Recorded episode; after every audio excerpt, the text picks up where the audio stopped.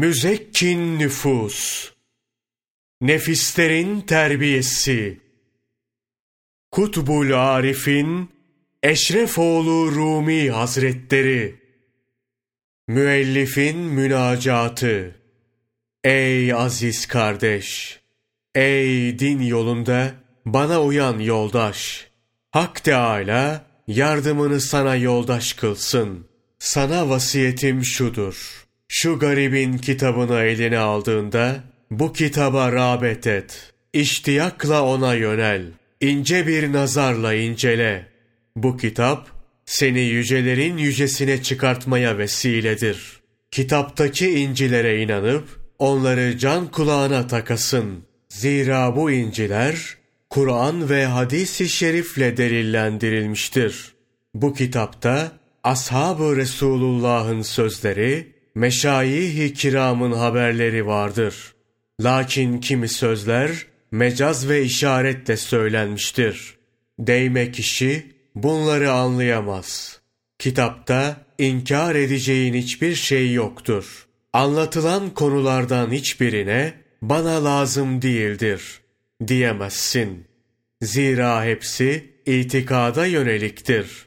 Bunları inkar etmen şüphesiz küfrü gerektirir veya büyük günaha girmene sebeptir. Çünkü büyük günahta ısrar etmek küfrü netice verir. Bu kitaba inanırsan kurtuluşuna sebep olur. İçindeki sözlere inanıp gereğince amel edesin. Böylelikle nefsi emmareden kurtulup nefsi mutmainnede karar kılasın. Kendilerine irci'i hitabı gelen aşıklardan olasın. Aşıklar içinde evliyadan, evliya içinde de sultanlardan olasın. Her ne dilersen Hak Teala onu sana kolay ede. Hastaları iyileştirmeyi dilediğinde onları iyileştiresin. Duanla ölü gönüller dirile, kara yüzler muhabbetinle ağara, aydınlığa kavuşa, nice aç kimseler sofranda doya. Hakiki bir iksir olup kalpleri karışıklıktan arındırasın, onları saflaştırasın, mahzunları sevindiresin. Bir adımla doğudan batıya, Mekke'den Medine'ye gidip gelesin. Yerde halk içinde gezerken batında, arştan yukarıda, mekansızlıkta seyran edesin. Hak Teâlâ, dünyada da nice makam ihsan ede. Kerametleri günlük rızık kılasın. Ahirette boynuna zincir vurulmuş günahkarları zebanilerden kurtarasın. Hak Teâlâ sana gözlerin göremeyeceği, kulakların duyamayacağı, gönüllere sığamayan makamlar nasip etsin. Allahu Teala hadisi kutsi'de şöyle buyurmuştur.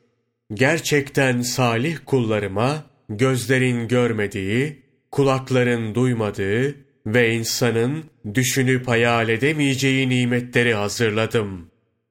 Ey aziz talip! Ey hakiki aşık! Bu kitabı ayıplayacak ve kınayacak gözlerden korumak senin vazifendir. Onu sana emanet ediyorum. Zira herkesin akıl ve anlayışı bu yol için yeterli değildir. Bu anlamda yetersiz olanlar bir sözü anlamadan inkar eder, inkarları onları ya nifaka, ya günaha ya da küfre götürür. Anlayışı kıt kişilere bu kitabı verme ki, İslam'dan çıkmalarına sebep olmasın. Ey aziz! Allah Celle Celaluhu'dan, Resulullah sallallahu aleyhi ve sellem'den, sahabe veya meşayihten bir söz söylendiğinde buna inan. Çünkü inanmak insanı saadete götürür. İnkarı bırak. İnkarcılar bu kitabın saadetinden mahrumdur.'' Bayezid-i Bistami ve çocukların hikayesi. Bir gün Bayezid-i Bistami Hazretleri Bağdat şehrinde müritleriyle gezerken Şatırmağının üzerindeki köprüde oyun oynayan çocuklar görür. Çocuklar ellerindeki oyuncak bebeklerle evlilik oyunu oynuyormuş. Bayezid-i Bistami Hazretlerini görünce, ''Ya şeyh, düğünümüz var, gelip bize katılır mısın?'' İşte bu bebek, Hazreti Muhammed sallallahu aleyhi ve sellem. Bu bebek de Allah ondan razı olsun Hazreti Ayşe. Bu ikisini evlendiriyoruz deyip oynadıkları oyunun muhtevasını anlatırlar. Bebeklere Muhammed ve Ayşe isimlerinin verilmesi Bayezid-i Bistami'nin hoşuna gitmez. Elindeki asanın ucuyla bebekleri köprüden aşağı suya atar. Arkasından yürüyüp evine gider. Halvete oturup murakabeye dalar. Murakabedeyken Resulullah sallallahu aleyhi ve sellem hazretlerinin gelip geçtiğini görür. Bayezid-i Bistami, Resul-i Ekrem sallallahu aleyhi ve sellemin mübarek ayağını öpmek için ileri atılır. Resulullah sallallahu aleyhi ve sellem Bayezid'e itibar edip yüzüne bakmaz. Bayezid-i Bistami şöyle söylenir. Ey iki gözümün nuru! Hazreti Fahri Cihan, kainatın efendisi, niçin kulunuza nazar etmediniz? Hatrınızı mı kırdım? Sizi üzecek ne yaptım? Canların sevgilisi sallallahu aleyhi ve sellem saadetle buyurur. Sen az önce çocukların oyuncaklarını elinden aldın. Asanın ucuyla onları köprüden aşağı attın. Şimdi de benden itibar beklersin. Sen bilmez misin? Adıma hürmet, bana hürmettir. Aileme hürmet, bana hürmettir. Sünnetime hürmet, bana hürmettir.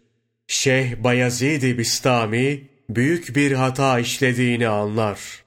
Hemen halvetten çıkıp çocukların gönlünü almaya gider. Kendilerine biraz bahşiş verip hatırlarını hoş eder. Hazreti Ömer ve kölelerin hikayesi Allah ondan razı olsun. Hazreti Ömer namaz kılan kölelerini azat edip hürlüğe kavuştururdu. Bu huyunu öğrenen köleleri de cemaatle namaz kılmak için mescide gidip bunu Hazreti Ömer'e gösterirdi. Maksatları namaz kılmak değil, özgürlüklerine kavuşmaktı. Allah ondan razı olsun. Hazreti Ömer bu hallerini bilirdi. Zira köleler bağışlanıp azad olduktan sonra namazı bırakır, mescidin yanından bile geçmezlerdi. Bunu bildiği halde namaz kılan kölelerini özgür bırakmaya devam ederdi. Biri Allah ondan razı olsun Hazreti Ömer'e şöyle dedi. Ey Ömer! Bu kölelerin seni kandırıyor. Efendimiz bizi namaz kılarken görüp özgür bıraksın diyerek namaz kılıyorlar. Allah ondan razı olsun. Hazreti Ömer şöyle cevap verdi. Eğer aldanırsam Allah ile aldanmayı tercih ederim. Olsun. Hak Teâlâ ile beni aldatsınlar. Bırakın. Hak yolunda aldanayım. Ey aziz kardeş! Aldanıyorsan hak yolunda aldan. Seni hakla aldatsınlar. Zira dostla aldanan aldanmaz. Bütün ömrün aldanmayla geçti. Bir gün yanılıp da hak için kandırılsan ne olur? Nefsin, dünya ve şeytan için defalarca aldandın. Bir günde Rahman için aldan. Yoksul Hallac'ın Hikayesi Bir garip hikayeyi de Ebu Leys Semerkandi Hazretleri anlatıyor. Bağdat'ın zenginleri Mekke'ye hacca gitmeye karar verir. O sıra Bağdat'ta fakir bir dokumacı yaşar. Hocalarının Mekke'ye gideceğini duyunca kendi kendine şöyle der. Ben de onlarla birlikte hacca giderim. Zenginlerin malı varsa benim de Mevlam var. O beni darda bırakmaz. Ona sığınır, bu kafileyle birlikte giderim. Vakit gelir, kafileyle birlikte şehrin dışına çıkarlar. Haç kafilesinin uğurlandığı meydanda yolcular yola çıkınca halk geri döner. Ama dokumacı orada kalır. Dokumacının komşusu bir hoca bir müddet yol aldıktan sonra atını sürüp dokumacının yanına gelir. Ey komşu sen nereye gidiyorsun? Uğurlamaya gelenler geri döndü. Yoksa sen de mi Mekke'ye geliyorsun? Dokumacı, evet Mekke'yi ziyaret etmek istiyorum. Hoca alay eder. Komşu, sana şaşarım. Gittiğimiz yol zenginlerin yoludur. Binecek deven, yiyecek azığın yok. Bari birkaç bin altının var mı? Dokumacı, Hak Teâlâ rezzaktır. Hepimiz onun hazinesinden yer içeriz, der. Hocaya böyle cevap verdikten sonra Mekke'ye doğru yürümeye koyulur. Kafile günden güne Mekke'ye yaklaşır, nihayet varır. Kafiledekiler tavaflarını yapar. Hac vazifesini yerine getirirler. Daha sonra Mekke'den ayrılıp Bağdat'a doğru yola çıkarlar. Hoca yolda komşusu olan dokumacı hallacı görür. Onun da Mekke'yi ziyaret ve tavaf edip selametle evine döndüğünü anlar. Kendi kendine şöyle düşünür. Bizim bu kadar çadır ve yükle, kafiledeki bu kadar insanın buluşmasıyla, bu yolculuk için gereken bu kadar masrafla, yollardaki bu kadar tehlikelerle, kederli ve gamlı olduğumuz ortada. Komşumunsa sadece yaya olmanın zahmeti var. Başka meşakkati yok. İkimiz de hacı olduk. Halk arasında bu anlamda bir fark yok. Hoca bir müddet böyle düşünür. Durum garibine gider. Hallaç az önünde yoluna devam etmektedir. Ona yetişip sorar. Komşu, Mekke'ye varıp tavafını yaptın mı? Dokumacı, Allah'a şükür. Rabbim yüzümün karasına bakmadı.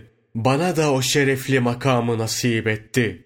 Geldim, gördüm, tavafımı yaptım. Şimdi de sağlıcakla evime dönüyorum. Hoca şakayla karışık komşusuna sorar. Sana da hüccet verdiler mi? Haccı yaptığına, günahlarından kurtulduğuna dair bir vesika aldın mı? Dokumacı, yok, hüccet nedir bilmiyorum. Hüccet şu, Allah'ın evine varana, cehennemden kurtulduğunu bildiren bir vesika verirler. Bir hüccet. Mesela, bizim hüccetimiz elimizdedir. Böyle diyerek, dertli, garip dokumacıyı aldatır. Dokumacı, buna çok üzülür. Ağlayıp geri döner. Hoca ve arkadaşları, dokumacının haline bakıp, onu nasıl da kandırdık diye gülerler. Dokumacı hallaç ise Kabe'ye gelip başını önüne kor, yüzünü yerlere sürer. Ağlayarak yalvarır. Ey alemlerin Rabbi! Ey zevali olmayan sultan! Ey duaları kabul eden Zülcelal! Ve ihsanı bol layezal! Fakir ve aciz bir kulunum. Sen kadirsin. Zengin padişahsın. İhsanın bütün kullarınadır. Diğer kullarına mahşer günü ateş ve zebanilerden kurtulduklarına dair hüccet vermişsin. Ama bu bir çare ve miskin kulunun hücceti yoktur. Yoksa ateşten kurtulmadın mı? Hallaç, aklını kaybetmiş gibi ağlayıp kendinden geçer. Böyle yalvarırken yanına biri yanaşır. Ey miskin! Kaldır başını, hüccetini al ve arkadaşlarına yetiş. Bu hitap üzerine hallaç kendine gelir. Gözünü açıp doğrulur. Elinde kağıt tutan birini görür. Dünyadaki hiçbir kağıda benzemeyen bir kağıt. Bu kağıdın kokusundan sarhoş olur. Bir süre sonra aklı başına gelir. Kağıdı alır. Beratını öpüp başına kor. Yüzüne sürer. Sonra bunu koynuna sokup yola koyulur. Zenginlerden oluşan kafileye yetişir. Dokumacının geldiğini gördüklerinde komşusu olan hocayı yanına gönderirler. Hoca varır yanına hemen sorar. Komşu ne yaptın? Beratını alabildin mi? Evet, aldım. Ver hele, bir bakayım. Dokumacı, koynunda sakladığı kağıdı çıkarıp hocaya gösterir. Al bu hücceti, seninkiyle beraber sakla. Hoca, yeşil bir kağıda ak nurla yazılmış ve güzel kokusuyla canları sarhoş eden Berat'ı görünce çok şaşırır. Feryat edip atından yere düşer. Aklı başından gider. Bir süre sonra kendine gelip ayağa kalktığında hücceti öpüp koklar, onu yüzüne sürer. Derin bir ah çeker. Yazıklar olsun geçen ömrüme. Ömrümü yok yere harcamışım. Keşke ben de şu sadık fakir gibi olsaydım. Beni de Allah ile aldatsalardı. Ben de bu mutluluğa ulaşsaydım. Dokumacı, sadakatinin bereketiyle ne büyük bir makama erişti. Malımın hepsini versem, bu hüccetin bir noktası elime geçmez. Hoca böyle konuşarak gözyaşı döker. Dokumacının hüccetini elbiselerinin arasına koyar. Bağdat'a vardıktan bir süre sonra dokumacı hocaya hoca şu hüccetimi sakla. Öldüğümde kefenimin arasına koy ki kabirde yanımda olsun der. Hoca hücceti alıp sandığında saklar. Hoca ticaret için seyahatteyken dokumacı vefat eder. Onu yıkayıp kabre koyarlar. Birkaç ay sonra hoca döner, dokumacıyı sorar. Başın sağ olsun, dokumacı vefat etti derler. Hoca, onun bende emaneti vardı. Emanete hıyanet ettim. Vasiyetini yerine getiremedim. Hücceti bende kaldı. Vefat ettiğinde hüccetini kabrine koyacaktım. Yapamadım bunu. Diyerek ağlar, üzülür. Arkasından eve gelip hüccetin saklandığı sandığa bakar. Sandığı açtığında hüccetin yerinde olmadığını görür. Yine üzülür, kederlenir. Kendi kendine varıp kabrini açayım. Belki biri hücceti alıp kendisine vermiştir diye düşünür. Dokumacının kabrini açmak için mezarlığa vardığında bir ses işitir. Bu işten vazgeç, işine git. Zira hüccetini alıp ona verdik. Onu darda koymaz, gereğini yaparız. Hüccetin dokumacıda olduğunu bil. Hoca bunun üzerine bayılır, aklı başından gider. Öylece yere düşer. Yattığı yerde dokumacıyı görür. Dokumacı ona şöyle der. Hoca, Allah sana rahmet etsin. Hüccetimi Münker ve Nekir'e gösterince bana hiçbir sual yöneltip zorlamadılar. Hüccetin alınması gerektiğini hatırlatmasaydın, halim ne olacaktı bilemiyorum. Hoca oradan ayrılıp evine gelir. Dokumacının hayrına yemekler pişirir, hatimler indirir, para dağıtır. Şimdi, ey işini bilmez bir çare, hengamelerdeki bidat ehline, hokkabazlara, çeşitli ehemniyetsiz işlere, maskaralık edenlere, çengilere, fuhşu çağrıştıran kötü söz edenlere, abes yere halkı güldürenlere, taklit yapanlara, türkü ve mani söyleyenlere, sevicilikle birbirlerine muhabbet edenlere ve nefsin hoşlandığı şeylere para harcar, güzel armağanlar verirsin. Bunu yaparken hayır mıdır, şer midir demezsin. Hak yoluna gelince aldanırım diye korkarsın. Mümini doğru yola sevk etmenin vacip olduğunu da mı bilmiyorsun? Bakara suresi 216. ayet-i kerimeyi duymadın mı? Fakat olur ki siz bir şeyden hoşlanmazsınız. Ancak o sizin için hayırlıdır. Yine olur ki siz bir şeyi sever, ondan hoşlanırsınız. Fakat o sizin için şerdir. Öyle şeyler var ki sen onu hayırlı sanırsın. Halbuki o senin için şerdir, zarardır. Öyle şeyler de vardır ki sen onları şer olarak görürsün. Halbuki bunlar senin için hayırdır. Böyle olunca enbiya ve evliya sözlerini inkar etmek hiç de iyi değildir. Mevlana Celaleddin Rumi Hazretleri Kuddise sırrıhu senin doğruluğun kılavuzundur der. Hak Teâlâ da ben kulumun zannı üzreyim buyurur. Bu kitapta ne çok meşayihin sözü var dersen cevap şudur. Mürşidi kamiller Allah'ın yeryüzündeki askerleridir. Allah'a talip olanlara yardım etmek, onları nefs ve şeytandan kurtarmakla vazifelendirilmişlerdir. Talibin gönlüne şeytandan bir vesvese düşse veya nefsten bir sıkıştırma gitse, talip Evliyaullah'ın menkıbelerini dinlemekle bundan kurtulur.